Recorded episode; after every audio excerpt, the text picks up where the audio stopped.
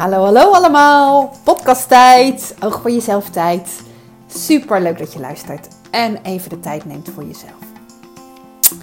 En ehm, ja, ik ben eigenlijk wel ehm, aan de ene kant super excited, want ik heb ehm, de afgelopen week uh, meerdere webinars gegeven.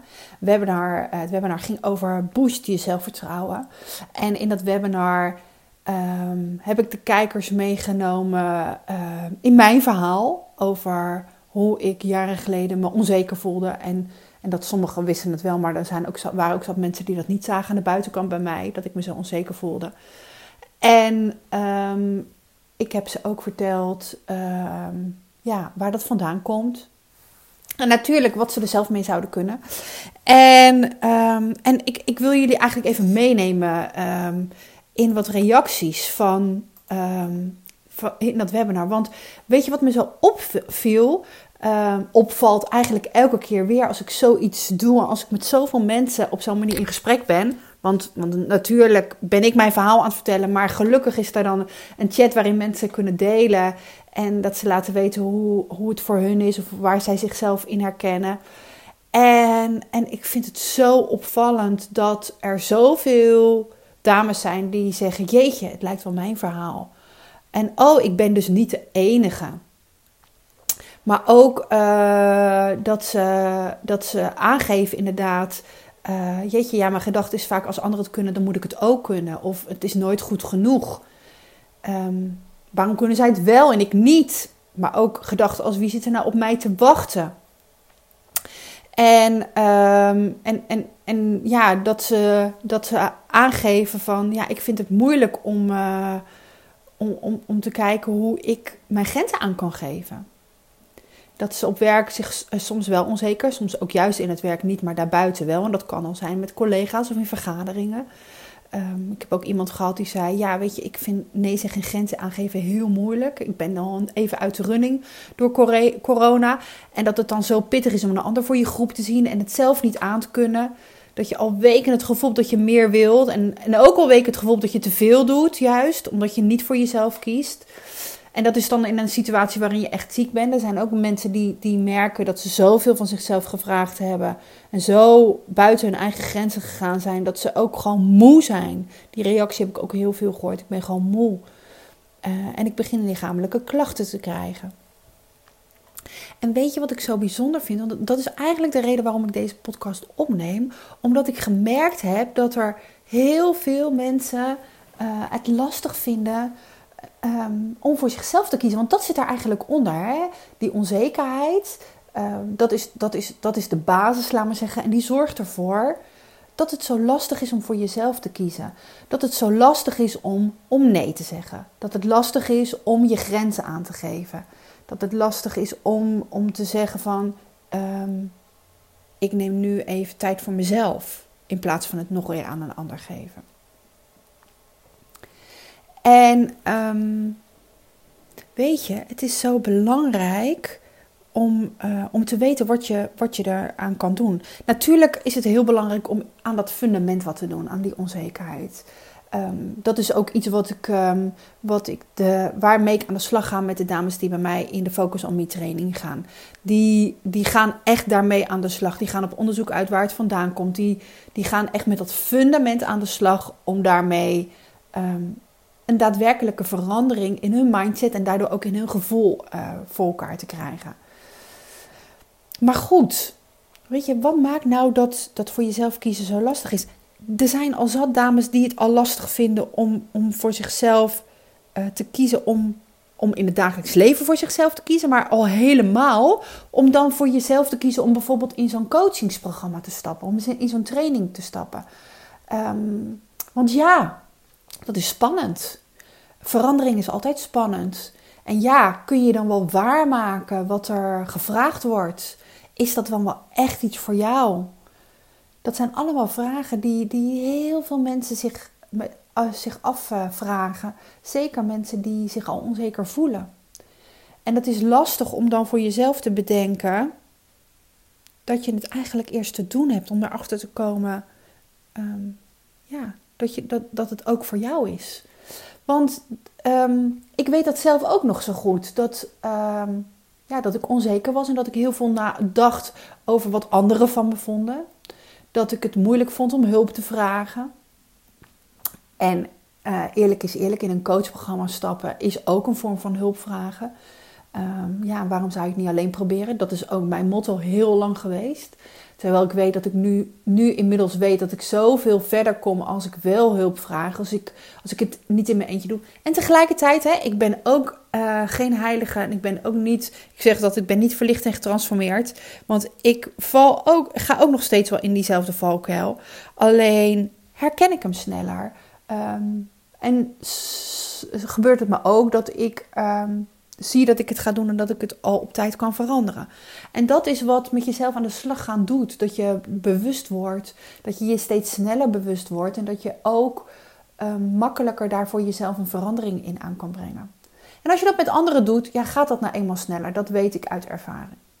Maar goed, even terug over kiezen voor jezelf. Want, want wat maakt nou dat kiezen voor jezelf uh, zo lastig? Nou, dat komt eigenlijk en dan kom ik weer, maar dat komt door je mindset. Dat komt door, doordat ons brein eigenlijk, um, ja, ons allerlei, wij hebben in ons hoofd allerlei verhalen gemaakt. Ons brein vertelt ons dus een verhaal, een verhaal of heel veel verschillende verhalen. Verhalen die we al heel lang kennen, die verhalen die we onszelf al heel lang verteld hebben, maar ook verhalen die we in onze opvoeding of tijdens het opgroeien van andere mensen gehoord hebben. En, eh, en, en die verhalen, dat zijn eigenlijk de gedachten die we over van alles hebben. En uh, juist die gedachten, die houden uh, ons onzeker. Die maken dat we niet iets nieuws willen proberen. Dat we eigenlijk bij het oude willen blijven. En misschien heb je er wel eens van gehoord, maar er zit een gedeelte in je brein. Um, sommigen hebben het dan ook over je oerbrein. Dat is een stukje van je brein wat gewoon, um, ja, wat, wat, wat er alles aan doet om je eigenlijk in soort van veilig te houden. Dat betekent dat dat stukje van je brein bijvoorbeeld ook de oorzaak kan zijn dat, um, dat, dat je, ook al heb je geen trek meer, toch door blijft eten. Want ja, wie weet is er straks nog wel wat te eten, kan maar beter zorgen voor een voorraadje. Of die maakt misschien dat je geen zin hebt om te gaan hardlopen, terwijl je wel weet dat het goed voor je is. Want dan is er weer een stemmetje, een stukje in jouw brein in dat oerbrein die zegt van ja, maar spaar je energie maar, want je weet nooit of je straks nog iets, uh, veel, iets veel gevraagd moet doen. Dat is eigenlijk een gedeelte in ons brein die, die ons beperkt en die ons altijd houdt waar we zijn. Het heet niet voor niets oerbrein. Dat komt omdat dat een stukje in, van ons brein is wat, wat uh, nog uit de oertijd uh, komt. Waarin wat heel functioneel was toen en wat in onze tijd, in deze huidige maatschappij, helemaal niet functioneel meer is. Maar we hebben het wel en we hebben het er ook gewoon nog mee te doen. En het beïnvloedt ons in een hele grote mate.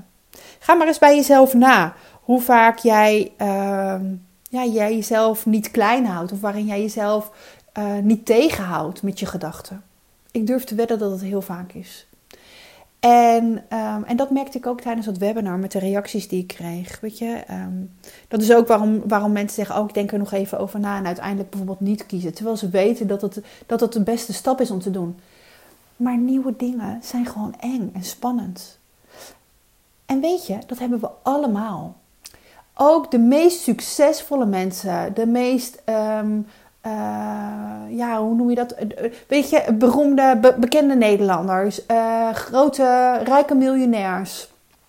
Denk je dat die nooit die stemmetjes hebben die zeggen van zou je dat nou wel doen? Die hebben ze ook, alleen ze besluiten om er niet naar te luisteren en om het anders te doen. En door er niet naar te luisteren, door, of door het misschien wel daarnaar te luisteren, maar het aan de kant te schuiven van ik, ga, ik besluit om hier niks mee te doen, um, gaan ze dingen doen die buiten hun comfortzone liggen. Die een beetje spannend zijn. En ze komen erachter dat als ze dingen buiten hun comfortzone uh, doen, dat het soms goed gaat, soms misschien iets minder. En dat je daar dan weer van kan leren. Uh, en dat je daardoor weer groeit. En dat daardoor jouw comfortzone vergroot. Dat je daardoor steeds comfortabeler wordt met dingen die, uh, ja, waar je vroeger oncomfortabel mee was. Dat is ook eigenlijk een van de van de, de stappen die je te doen hebt als je het zo lastig vindt om voor jezelf te kiezen. Daar heb je echt je comfortzone te vergroten. Je hebt echt dingen te doen die spannend zijn. En ze toch te doen en erachter te komen dat de wereld niet vergaat. En er ook achter te komen dat het heel vaak goed uitpakt. En als het wat minder goed uitpakt, dat je daar dan gewoon iets van mag leren. Net zoals de kinderen in de klas, die ook heel de dag door van alles mogen leren. Want, want wees eens eerlijk, als we geen fouten zouden maken, dan zouden we toch ook niet weten dat we op de goede weg zitten, als we het anders doen. Dat is eigenlijk met wat we doen als we, als we onze comfortzone vergroten. Daarnaast een andere belangrijke stap is dat je stopt met vergelijken. Van wat heeft een ander, wat doet een ander, heb ik, moet ik dat ook, uh, heb ik dat ook nodig? We zijn allemaal andere individuen en we hebben allemaal iets anders nodig. Dus um, ja, de keuze die jouw buurvrouw maakt of die jouw collega maakt, uh, logisch dat dat niet jouw keuze mogelijk is. Want het is een ander persoon. Ze heeft een andere opvoeding gehad, heeft andere gedachten. Ze vindt andere dingen belangrijk in het leven. Dus het heeft helemaal geen zin om je te vergelijken met anderen. Stop daar per direct mee. Merk het op als die gedachten komen en schuif ze aan de kant. En de derde belangrijke tip, die ook al vind je het lastig om te kiezen voor jezelf, is om een besluit te nemen. Om tegen jezelf te zeggen: ik neem een besluit. Ik kies dit of ik kies dat. Vaak hebben we keuze uit twee. Soms heb je keuze uit wat meer, ook oké. Maar als je keuze uit twee hebt, dan kies je er één. En vervolgens kom je erachter hoe die keuze voor jou geweest is. En kun je op basis daarvan weer bedenken: hoe wil ik verder? Je hebt echt een besluit te nemen en in actie te komen. Dat is ook waarom ik het zo goed en dapper vind dat er uh, vrouwen zijn die dan, die dan in zo'n week naar zo'n webinar, als ik het dan heb over mijn programma, zo bedenken van oké, dit is toch wat voor mij.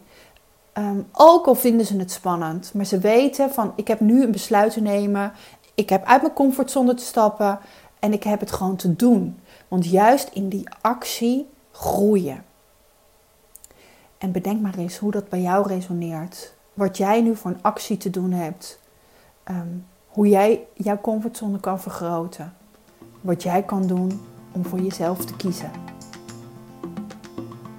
Want eigenlijk is het helemaal niet zo moeilijk. We maken het alleen zelf moeilijk.